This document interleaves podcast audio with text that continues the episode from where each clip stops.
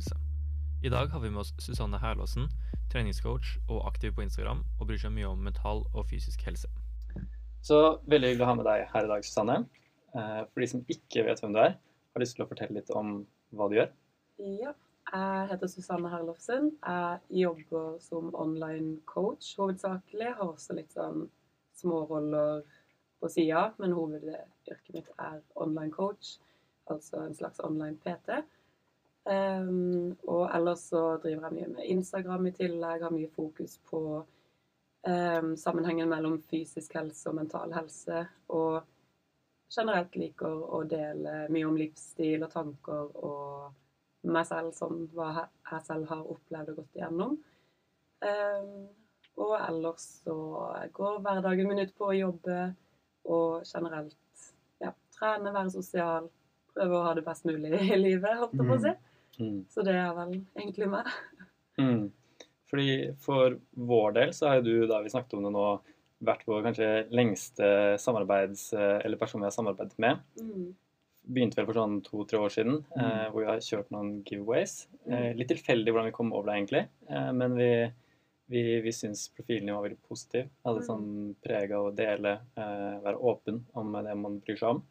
Og så kom vi i kontakt med deg, da, og har nå hatt, har hatt tre giveaways. Jeg Eh, tror det ble det. Ja. Mm. Mm. så det er, det er rekord for det, så det setter vi veldig pris på. Og eh, så, så mm, som online coach så er jo åpenbart trening eh, veldig viktig, og noe vi har hørt fra flere av de vi prater med, er at trening og mental helse sitter veldig tett sammen. da.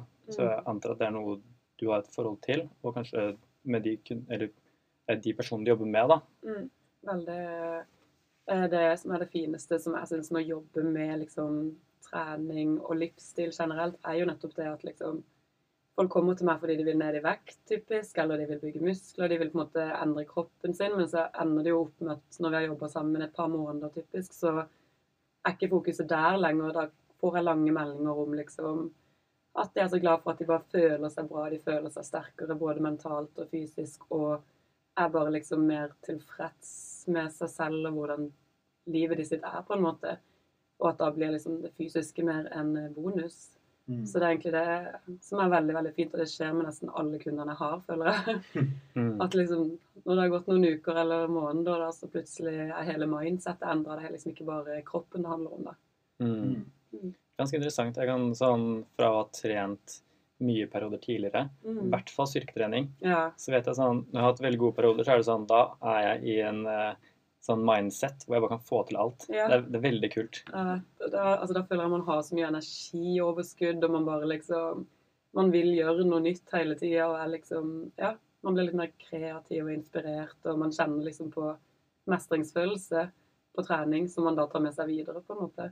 Mm. Så Og det er ned til de minste ting òg, syns jeg. Sånn bare går ut med søpla. Hvis du, liksom, Ja. hvis du har trent og liksom gjort noe som er hardere enn det, da, så blir liksom, å ta ut søpla er liksom ikke noe stress. Og så, så, så, så, sånne småting som bare gjør at trening hjelper deg på alle mulige måter. ja, ja. Mm. Og sånn for din del, hvordan endte du opp med online coaching? Er det sånn at trening har vært en viktig del av deg hele veien? Altså på en måte bare Mm, altså, det starta jo egentlig sånn eh, Hvis man ser på Instagrammen min, da, så starta det jo Det er jo sikkert liksom ti år siden jeg begynte egentlig å dele noe på Instagram nå. Eh, men da starta det jo veldig overfladisk med liksom eh, Da var jeg veldig langt nede psykisk, så der handla det jo mer om bare å få bekreftelse og Mm. bare liksom engelske quotes og bare helt sånn random eh, random greier. Um, og da hadde jeg et veldig anstrengt forhold til kropp og mat og ville egentlig bare bli liksom slankest mulig. Det eneste jeg gjorde, var å trene kondisjon og mage. Mm. og eh, hadde liksom sånn Fitspiration som bakgrunn på mobilen. Og liksom, det var helt sånn Jeg var ikke psykisk til stede, holdt jeg på å si. Mm. Um, og så gikk det liksom noen år, og så fikk jeg litt sånn smaken på styrketrening og kjente liksom at det ga jo veldig mye mestringsfølelse. Um, og da, når jeg ville liksom gå litt mer aktivt inn i det, så gjorde det også at jeg forsto at jeg måtte faktisk spise mer mat. Jeg måtte liksom faktisk bry meg om å ta vare på kroppen min da. Eh, hvis man skal bli sterkere, så kan du på en måte ikke gå rundt og ikke spise noe, eller sove dårlig eller liksom ikke ha det bra, på en måte. Du må jo ha en god restitusjonsevne, på en måte. Um, og det begynte jeg å dele på Instagrammen min, på en måte den reisen med styrketreninga. Og jeg på en måte fant mer en sånn trygghet i meg selv underveis. når liksom, Selv om jeg gikk opp i vekt, jeg tipper jeg veier sikkert 10-15 kilo mer nå enn jeg gjorde da. Uh, men til og med det var bare positivt. på en måte Alt føltes bare veldig positivt rundt den styrketreninga, rett og slett. Og resultatene man fikk, at man følte seg sterk og bra. Så ja, den redda meg litt sånn eh, både mentalt og fysisk, holdt jeg på å si, for den smitta jo over eh, på det mentale. At liksom OK, jeg får til det her, og det gir meg masse mestring og positive følelser. Så de tok man jo med seg ut i livet videre også, da. Mm. Mm. Så det er liksom den reisen jeg hadde med liksom trening, og det som også gjorde at jeg ble veldig opptatt av trening og livsstil og ville liksom jobbe med det videre. Så derfor jeg tok PT-utdanninga i det hele tatt, egentlig. Og visste ikke på en måte hvor langt jeg kom til å komme, eller om jeg kom til å jobbe fulltid med det, men jeg bare kjente at jeg liksom ville ha mer kunnskap og muligheten til å hjelpe folk på den måten som jeg selv på en måte fant mye trygghet og glede i det. da. Mm. Mm. Fordi sånn, eh, som du sier, så kan jo eh, kosthold og trening være veldig positivt, men også veldig negativt og destruktivt. Mm. Og fra vennene mine og egen oppvekst så er det sånn definitivt sett eksempler på at det er noe veldig destruktivt. Eh, man trener for å bli kjempetynn, man spiser ikke, det går utover egen syke. Man er usikker, eh, og måtte bare Livet generelt blir veldig ustabilt. da. Mm. Så den overgangen fra på en måte kanskje mer destruktivt til mer sånn konstruktivt, Mm. var det bare sånn gradvis å komme seg inn i det, eller var det noen Jeg klarer liksom ikke helt å sette fingeren på hva det var, men jeg tror jeg på en måte kom til et punkt hvor jeg ikke orka å ha det så dårlig med meg selv. på en måte. At liksom, Når du når bunnen, så prøver du egentlig bare å finne noe som kan dra deg opp litt. da. Um, og da ble det liksom styrketreninga som ga meg den liksom mestringsfølelsen jeg trengte når alt annet i livet kanskje bare føltes litt sånn håpløst, på en måte. mm. Så det er bare det å ha et trygt punkt et sted hvor jeg liksom bare kunne fokusere på å føle meg bra, ble liksom litt sånn redninga. Mm, det mye mening. Og eh, fra det vi har fulgt på, så har du jo delt alt det her hele veien. Har det vært eh, Da på en måte På mange måter forsterker du jo den egne prosessen da, ved at du drar inn ekstern feedback inn i det du gjør. Mm. Har det vært um, på godt og vondt, eller hvordan har det, det vært å dele så mye av den reisen? Um, For min del så har det vært litt sånn uh, fint, på en måte. For jeg har sjelden fått noen negative tilbakemeldinger. Det har vært mest positivt. Men jeg har jo da vært ganske bevisst på hva jeg har delt også. At liksom Ja. Jeg har på en måte ikke ville få noen til å spise mindre, f.eks.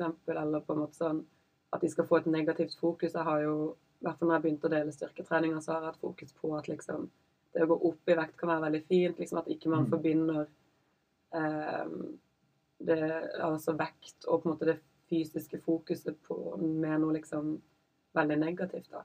Mm. Jeg har liksom prøvd å ha et positivt fokus på det. Mm. Um, så det har egentlig ikke vært så mye negative tilbakemeldinger noen gang. Og det har gått ganske naturlig å dele. Og så, når jeg begynte å dele styrketreninger, så ble jeg på en måte Jeg ble jo på en måte inspirert. Litt sånn av meg selv, holdt jeg på å si. Motivert og inspirert av at liksom jeg fikk til det her. Mm. Og jeg hadde lyst til å dele det fokuset da, til andre. Og da også etter hvert så gikk det jo mer over på det personlige, at jeg kunne dele mer om det mentale i tillegg. Og spesielt når jeg kom over den kneika hvor jeg liksom følte meg bedre mentalt òg, så er det jo lettere å snakke om ting om hvordan det var før. Eh, så da var det lettere å dele at liksom Nå føler jeg meg så mye bedre mentalt, i tillegg til at jeg liksom har det veldig bra fysisk, da. Mm. Mm. Masse av dette blir jo delt på Instagram kanskje hovedsakelig. Mm. Eh, og der har du over 40 000 følgere. Ja. Eh, så hvordan måte, ser du på det med å være kanskje et uønsket forbilde, og eh, kanskje ønsket òg, som sagt.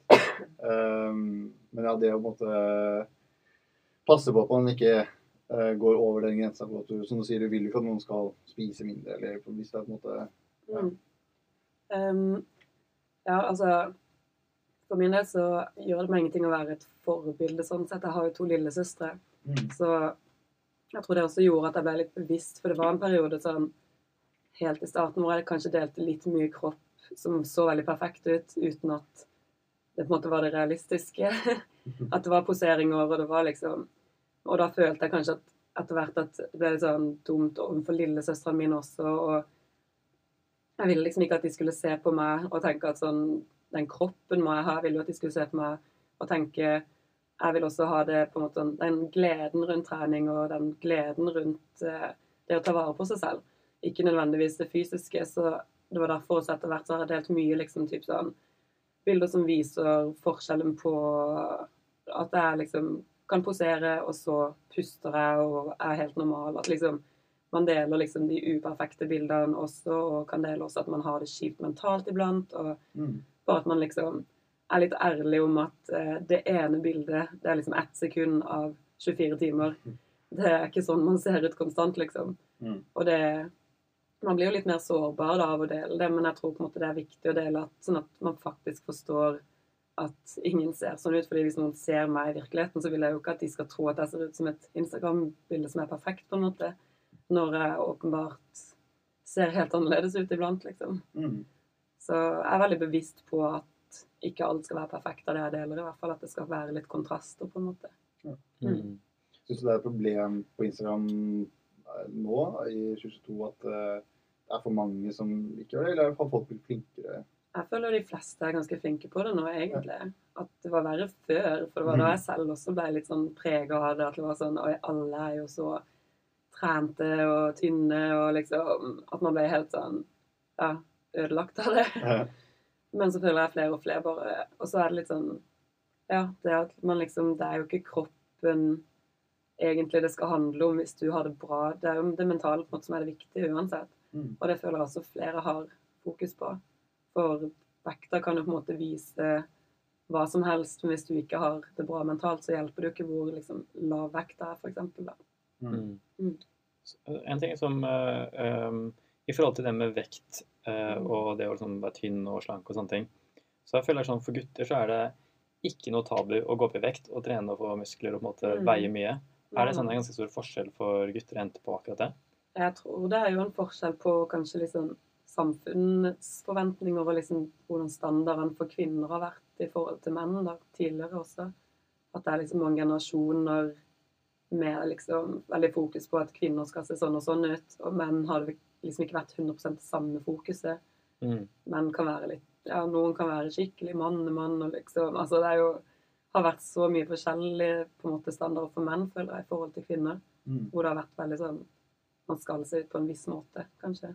Mm. Jeg synes det er veldig, veldig kult at man får flere og flere kvinnelige på en måte, forbilder som Mm. tør å stå i det. Fordi det er ingen grunn til at det skal være forbeholdt gutter å ha mye muskler. Det, det er en veldig kul ting, og en veldig vanskelig ting. Mm. Så det å, det å være godt trent er noe sånn Det skjer ikke av seg selv. Nei, Det nei, er mye arbeid.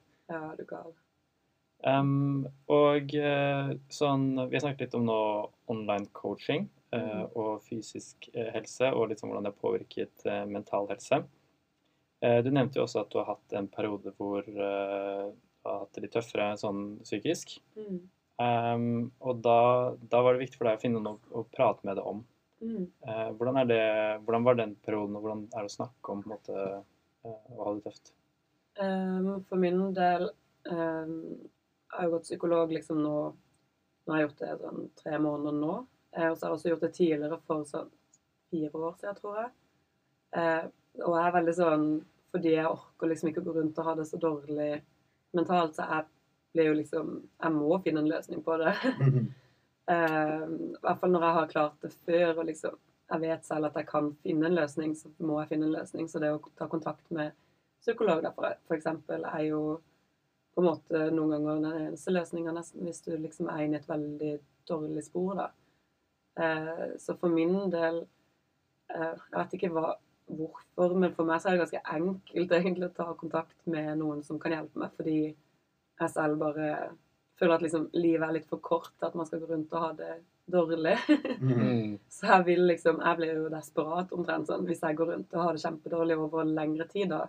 Um, har jeg det dårlig en uke, så går det fint, på en måte, men over en lengre periode så blir jeg litt desperat etter å finne ut av noe som kan hjelpe, liksom. Og da har det jo vært eh, å kontakte psykolog eller fagfolk generelt da, som kan hjelpe. Men foruten trening, eh, hvilke andre måter sånn check-ins eller kanskje gjøremål, eller hva gjør du på en måte i hverdagen for å ho- opprettholde For kanskje trening er kanskje ikke nok bare i seg selv. Mm. Eh, For min del er det veldig viktig med rutiner generelt for å ha det bra, egentlig. Så til og med hvis jeg egentlig bare har lyst til å ligge i senga resten av dagen og ikke gjøre en dritt, så er det sånn Jeg skal jo opp, jeg må ut med hunden min, så det å kjøpe en hund var et lurt valg. må uansett lufte henne. Jeg skal spise den maten jeg har planlagt å spise. Det er det jeg liksom planlegger jo dagen min uansett. Um, og komme seg ut og gå tur og prate med mennesker og, og trene. Det er liksom de rutinene føler jeg at er viktig for at man skal liksom Fordi jeg vet jo at det gjør meg godt, til og med når ikke det frister, så vet jeg jo innerst inne at det er veldig bra for meg å bare gjøre det uansett. Mm. Um, og det føler jeg jo på en måte Det er jo mye forska på også at hvis du ikke har rutiner i livet ditt, så blir jo livet på en måte litt mer meningsløst, nesten. Hvis du på en måte bare tillater deg å ligge inne dag inn og dag ut og ikke gjøre noe. Så man må jo nesten ta litt aktive grep også iblant, liksom, og bare tvinge seg selv om ikke man har lyst i det hele tatt. Mm. Ja. Eh, men i forhold til Erne som Erlend snakket om, i forhold til gutter og jenter eh, fordi vi er jo eh, Forskning viser jo at vi er mye dårligere til å prate om hvordan vi har det. Og, eh, Ekstremt. ja. og eh, har du noen Altså, jeg vil kanskje anta at hovedsakelig det er kanskje hoveddelen av din følgerskare er jenter? Eh, Det er faktisk litt 50-50. Ja. Ehm, sikkert fordi jeg har typ lagt ut bikinibilder og sånn. Så Men, uh, Men det er, ja, når ut til både gutter og jenter. Og jeg har Ja. egentlig veldig mange gutter som skriver til meg om mental helse. mm, Rett og slett fordi de ikke tør å snakke med noen andre om det, på en måte. Så jeg har noen sånn faste på en måte Instagram-venner, nesten, mm, som liksom sender meg gjerne en melding hvis jeg har delt noe om mental helse, og på en måte syns at det er godt å høre hvis, det, hvis de selv er i en litt dårlig periode, da. Men pleier på en måte gåstein problemene være det samme, eller er det på en måte litt sånn likheter hvor gutter og jenter kommer til deg med? I forhold til Eh, trening eller ja. Altså, de som jeg har snakka med om type mental helse, handler jo ofte mer om at de rett og slett Og gutter, da, faktisk Altså, de er veldig ærlige med meg, da, av en eller annen grunn. Men uh, at det bare liksom De har ikke turt å prate om følelser, basically, Mm. med noen omtrent gjennom hele sitt liv, liksom. Em, så jeg hadde en som liksom skrev til meg og bare spurte litt sånn hvordan det var å gå til psykolog, og Ja. uh, hvordan han eventuelt uh, Om jeg hadde noen jeg kunne anbefale og sånt, da, og så snakka vi litt fram og tilbake, og jeg forklarte bare sånn helt enkelt om hvordan det var, og hvordan det føltes, og så tok han kontakt igjen om en uke etterpå, og var sånn når jeg booka psykologtime, Ja. liksom, så ja, jeg er veldig opptatt av at jeg svarer også de som bare er liksom hyggelige og vil ha litt eh, veiledning, holdt på å si, svarer alltid på DM også. Mm. Eh, så det er veldig fint at liksom gutter også tar kontakt og vil liksom få litt hjelp på vei, bare sånn for å finne ut hvilken retning de skal gå, og, og få hjelp i, liksom. Mm. Rett og slett. Eh, fordi en ting, sånn, Det du sier er eh, kjempehyggelig, å kunne Mm. hjelpe noen. En ting vi har erfart med deg, at man plutselig får en sånn kjempelang melding om noe som er helt forferdelig. da. Mm. Og for vår del så er det veldig vanskelig å Vi er ikke profesjonelle, vi har ikke peiling på Mm. hvordan vi skal svare på det her. Nei, nei, nei. Har du noe sånn, Får du de også? Eh, Og hvordan Ja, jeg er veldig nøye på, sånn, både liksom med Instagram og med online coaching-kunder, da, at hvis eh, noen sliter liksom med noe som jeg åpenbart ikke har fagkunnskap om, eller ikke har erfaring med, så anbefaler jeg alltid å kontakte riktig instans, egentlig. Mm. Um, for jeg vil ikke trykke utenfor på en måte mitt fagfelt heller. Jeg kan liksom dele det som jeg har opplevd, og hva som har hjulpet for meg, men om man på en måte sliter med noe som ikke jeg har peiling på og ikke har fagkunnskap opp, så, så vil ikke jeg på en måte prøve å veilede noen uten riktig kunnskap, da. Mm. Mm. Så da Mm. pleier jeg heller å på en måte veilede i den form at jeg kan anbefale liksom heller ta kontakt med disse og disse, eller Mm. Um, en ting jeg lurer på er sånn, Vi snakket om det med å gå til psykolog, og at eh, folk har, eller noen har sendt deg meldinger da, for å, hvordan Mm. det er å, å snakke om eh, følelser og mental helse. mm. Eh, med din vennegjeng, er det naturlig å snakke om hvordan man har det? Eh, ja, egentlig. Jeg har jo liksom et ganske stort nettverk, så det er jo liksom noen som er litt mer overfladiske, men jeg føler de fleste er liksom flinke til å dele hvis de har en litt dårlig periode, eller at man liksom faktisk spør og oppriktig er interessert i liksom hvordan har du det, bare det spørsmålet, og at man faktisk vet at de er ærlige, da. Um, det er de fleste også. Jeg har mange kompiser også, og de også kan ha kjempefine, dype samtaler med om ting som egentlig er ganske vanskelig. Så jeg tror jeg er heldig som er i en gjeng hvor det er på en måte lov å si at man har det litt kjipt, og alle støtter deg i det, liksom. Mm. Mm. Det er veldig, veldig fin ting å kunne være åpen om det, Mm. eh, men ikke en selvfølge. Absolutt ikke. Og jeg tror jo også veldig på det at hvis man er åpen om det selv, så er det lettere for andre å være åpne om det, da. Mm. Så hvis hele min vennegjeng hadde vært lukka om det, på en måte, så hadde jo ingen turt å ta det første ordet. Tror jeg, i hvert fall. Men fordi vi alle alltid har vært litt sånn delsomme om ting som har vært kjipt, så er det liksom ingen som dømmer deg eller bryr seg om du kommer og sier at 'åh, jeg har en litt dårlig periode nå'. Da, da er alle bare der uansett, og jeg liksom støtter deg. Mm. Mm. Fordi um, i forhold til å være åpen, Mm. så er det sånn En ting er å være åpen uh, sånn rent med de nært deg, Mm. en annen ting er å være åpen sånn på sosiale medier òg. Ja. Har, det vært liksom, har de to gått litt i ett, eller er det sånn lettere å være åpen på sosiale medier eller med de Ja. næ nære relasjoner da? Når du sier det, så tror jeg jeg var mer åpen på sosiale medier før jeg ble åpen til vennene mine og de nærmeste, på en måte. Mm. Så um, ja, der på sosiale medier var det lettere å dele fordi folk kjente meg og visste kanskje ikke nøyaktig hvilken situasjon jeg sto i, eller alvorlighetsgraden av det, eller hva det var, men der kunne jeg en måte dele bare at jeg hadde det kjipt nå, liksom sto i litt sånn kjipe ting, men ikke, jeg trengte ikke å si nøyaktig hva det var. Mens til venner så må man jo på en måte si utdype, da. Så jeg Mm. tørte Det var periode, ganske mange år, hvor jeg på en måte holdt veldig mye for meg selv, da.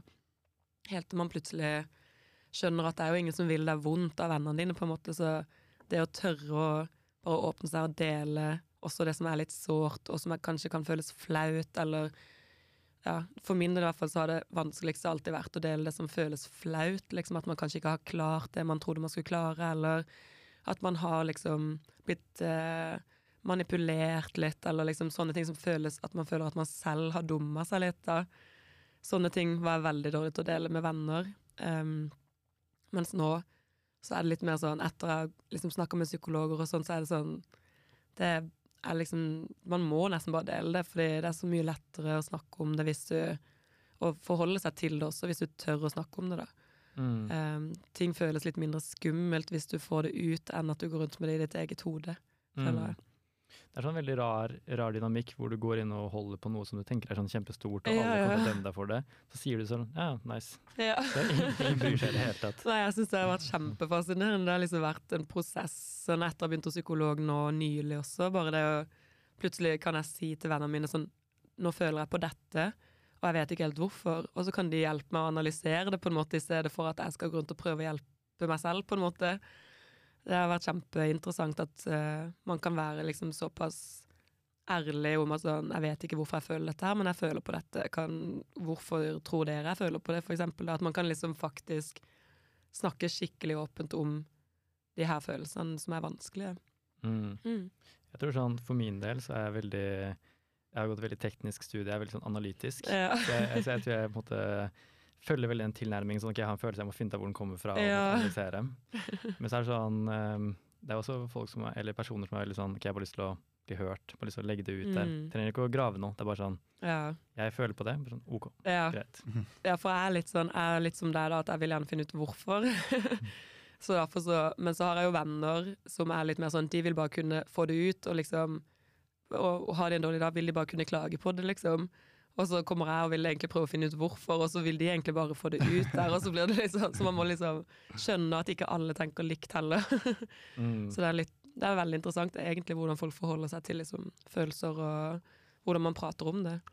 Ja, for da tror jeg er litt motsetning til dere. Litt som du nevnte med dine venner. At jeg har- får veldig mye ut av å bare snakke om det. Ja. Og så trenger jeg ikke måtte analysere det mer enn jeg har gjort det allerede i mitt eget hode. For jeg kan ha en tendens til å overtrinke òg. Ja. Og da er det på en måte, jeg får veldig mye ut av å bare skulle snakke med Erlend om det. Men så trenger jeg ikke gå kommer an på selvfølgelig alvorlighetsgrad, da, men i dybden av det på den måten, eller så analytisk til verks. da. Mm. Uh, men for vi i Ideia har jo måte, Vi vil jo at uh, ingen problem på en måte er eh, for små eller store til å tas opp. Mm. Eh, og det er jo det som det er hovedkjernen til at vi ønsket også å starte. At det, det går an å prate om ting, eh, og det er ingenting er på en måte for teit eller uavhengig om eh, du har kjipt én dag eller eh, om du er depressiv.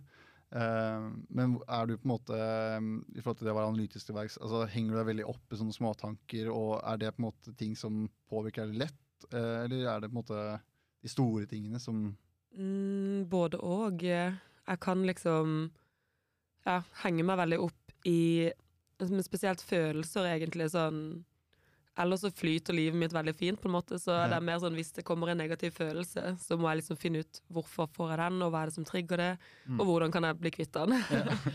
så sånn sett så er jeg veldig analytisk, men er veldig var også på mine egne følelser, da. Hvordan jeg kan på en måte jobbe med de, da. mm. Og det er jo det jeg på en måte gjør hos psykologen også. Det, er, eh, det vi fokuserer mest på, på en måte, er jo nettopp det å på en måte kunne akseptere følelser.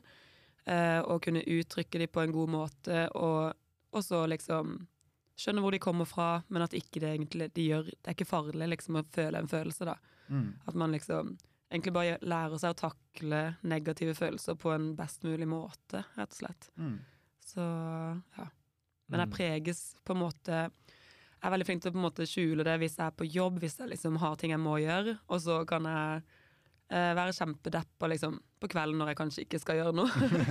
så jeg er veldig sånn, så lenge jeg har liksom mine rutiner gjennom dagen, så gjør jeg det uansett. Og så kan jeg heller eh, gå hjem og grine litt på kvelden.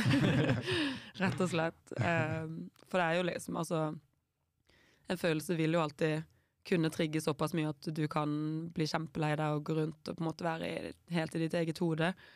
Um, så man skal jo aldri på en måte avfeie det heller, så da, men jeg kan på en måte forskyve den prosessen og vite at liksom jeg skal håndtere den følelsen litt seinere når jeg er ferdig med det her som jeg må gjøre først, på en måte, da. Mm. Mm. For det er veldig fint at du tar tak i følelsen senere, Mm, og ikke bare skyver alt liksom sånn helt til, ja. helt til det blir altfor mye. Nei, for det tror jeg mange av oss har nok gjort det i perioder. Ja, definitivt. ja. Mm. Sånn i forhold til um, En ting er å uh, forholde seg til de følelsene man har dag til dag. Mm. Sånn usikkerhet uh, rundt framtid og sånn tilbaketid, er det noe som også treffer Mm. deg, eller noe du tenker på? Jeg er veldig sånn ganske enkelt til sinns med tanke på liksom fortid. Um, da er det litt sånn Det som har skjedd, har skjedd. Uh, men igjen så er det jo litt sånn Man kan jo ha opplevd ting i fortida som kan trigge enkelte nye følelser, eller sånn som kan trigge følelser nå hvis du kommer i enkelte situasjoner og sånt. Så der også jobber jeg med å bare på en måte akseptere hvorfor de følelsene kommer, hvis det er noe som har skjedd før som gjør at jeg får At de følelsene trigges igjen nå, da. Um, så fortidsmessig så føler jeg at jeg liksom ja, stresser ikke så- så mye med det, så lenge jeg forstår hva som har skjedd og hvorfor. Og, ja. Mm. Mens framtid så er jeg veldig Altså egentlig ganske lost. Jeg tenker liksom egentlig Jeg føler sånn, jeg tenker maks ett år fram, egentlig. og så er det det. Jeg er litt sånn Jeg har jo en Altså egentlig psykologen min er jo sånn ja. For jeg ser egentlig på liksom livet som litt sånn ikke meningsløst, men det er på en måte på en positiv måte. Men at, sånn, at jeg på en måte kan dø i morgen, så jeg trenger liksom ikke å planlegge i mange år framover. så jeg har en veldig rar tilnærming til det. Um, og det er ikke det at jeg ikke ser på livet som interessant eller bra eller gøy, men det handler bare mer om at ja, i mitt hode så er det viktigere med her og nå da, enn hva som har skjedd før, og hva som skjer framover. Sånn sett. Er det noe du på en måte, Når du har online-kurs for andre, er det på en måte noe du også legger til grunn? At måte, din egen personlige måte, ting å gjøre på? Eller klarer du å hekse deg litt tilbake at ok, jeg må faktisk tenke at det her er generelt, og jeg aner ikke hvordan personen har Ja, nei, der er jeg veldig flink til å tilpasse meg andre, og jeg vet jo på en måte i bunnen sånn at det å liksom faktisk planlegge og sette seg mål er jo kjempebra. og jeg er kjempeflink til å planlegge dagene mine for at jeg skal føle meg bra her og nå. Eh, men sånn framtidsmessig så vet jeg aldri på en måte hva som kommer til å skje. Nei. Mens eh, jeg har jo kunder da som elsker å planlegge og sette seg mål for et år fram i tid, f.eks. Eller lenger enn det også. Og det syns jeg jo bare er kjempebra, selv om jeg selv ikke klarer det, rett og slett. ja. Så litt sånn noen merkelig tilnærming, og jeg vet ikke hvorfor engang. Hvorfor jeg i det hele tatt tenker sånn. Mm. Men ja. Så, um, så i hvert fall det neste året så kommer du mest sannsynlig til å holde på med det samme. Ja. Men så får, så, får vi, så får vi se da, hvor, hvor det ender etter hvert. Ja. For å gi uh, lytterne litt sånn uh, gratis online-kurs, for en person som f.eks. ikke har trent mye eller trent lite, da, uh, mm. liksom, hva er tipsene du mener i forhold til trening og det mentale til å gå frem? da? Um, altså Der handler det jo om å ikke ha så høye forventninger egentlig i starten, fordi veldig mange vil jo gå all in liksom, med en gang de Mm. først har bestemt seg. Så er det sånn Ok, du har kanskje ikke trent på en måned, men du har lyst til at du, du skal liksom gå rett på at du skal ha fem økter i uka. Det er kanskje mm. ikke liksom helt realistisk, så det å liksom tenke sånn Ok, om jeg får til én økt den første uka, så er det helt supert, og så neste uke kanskje du klarer to. Mm. Og så kan du fortsette med to i en måned, og så kan du legge til en til når det føles bra. At man liksom ikke stresser med at alt må skje på en gang, men at man liksom gradvis tilegner seg liksom de her rutinene, og at eh, det er liksom rutiner du trives med, da. At ikke du trenger å velte om hele livet ditt på en dag, men at du liksom gradvis jobber deg inn i rutiner hvor du får inn to til tre økter i uka, eksempel, og spiser noe næringsrikt til de fleste måltidene, og så kan du kose deg. Og så at du liksom finner en livsstil hvor du faktisk trives over tid. For det er liksom veldig lite vits å trene fem dager i uka i en måned, og så går du drittlei, og så Mm. Trener du ikke mer. Nei, ikke sant? Da er det mye bedre at du trener to ganger i uka resten av livet, på en måte. Mm. Så det er liksom Den ikke har så sykt høye forventninger og krav til seg selv, da, men heller tenke at liksom det å komme seg gradvis inn og trives på veien, da, er mye viktigere enn at alt skal skje med en gang. Ja, for jeg synes, eh, Noe av sånne poeng som du tar fram der, og som jeg har sett på profilen din nå, er det å ha, et, eh, ja, som sier, ha et realistisk forhold til trening og mat, Mm. og også at det skal være et sunt forhold til det, med tanke på at det er helt greit å liksom, ta en sjokolade og Mm. spise liksom, så lenge man på en måte gjør noe av det andre òg. Mm. Og det er kanskje også kanskje en viktig ting som man må legge vekt på. At man Ja, det er lov å ikke være Jakob Ingebrigtsen året rundt, liksom. Ja, altså For de fleste så vil jo ikke det fungere, liksom. Og Nei. om du skal kutte ut sjokolade, så klarer du det kanskje en måned, og så kommer du til å overspise, og så spiser deg kvalm på sjokolade den dagen du tillater deg det igjen, liksom. Mm. Så det blir jo Man må heller finne noe som man trives med på veien, da, tenker jeg. Mm. Og at liksom du ser for deg at du faktisk kan leve sånn resten av livet, helst. Mm. For det å liksom nekte seg ting, eller nekte seg det man er glad i, og det fungerer ikke i lengden, i hvert fall. Nei. Veldig, veldig bra. Eh, vi har vært gjennom eh, mange spennende temaer. Jeg Mm. vet ikke om det er noe du eh, sitter inne med som du, vil, som du hadde tenkt å, du hadde lyst til å snakke om? Nei, altså Føler vi har fått gått gjennom en god del. Absolutt. Syns bare det er hyggelig å kunne komme og dele litt av mine tanker og erfaringer. jeg. Ja, det setter jeg veldig pris på. Og for de som har lyst til å sjekke ut hva du driver med, hvor er det de kan finne deg? Eh, Det er jo hovedsakelig Instagram eh, på Susanne Herlofsen. Og så er det jo på nettsida til Entire Body, som er online coaching-firma som jeg jobber med.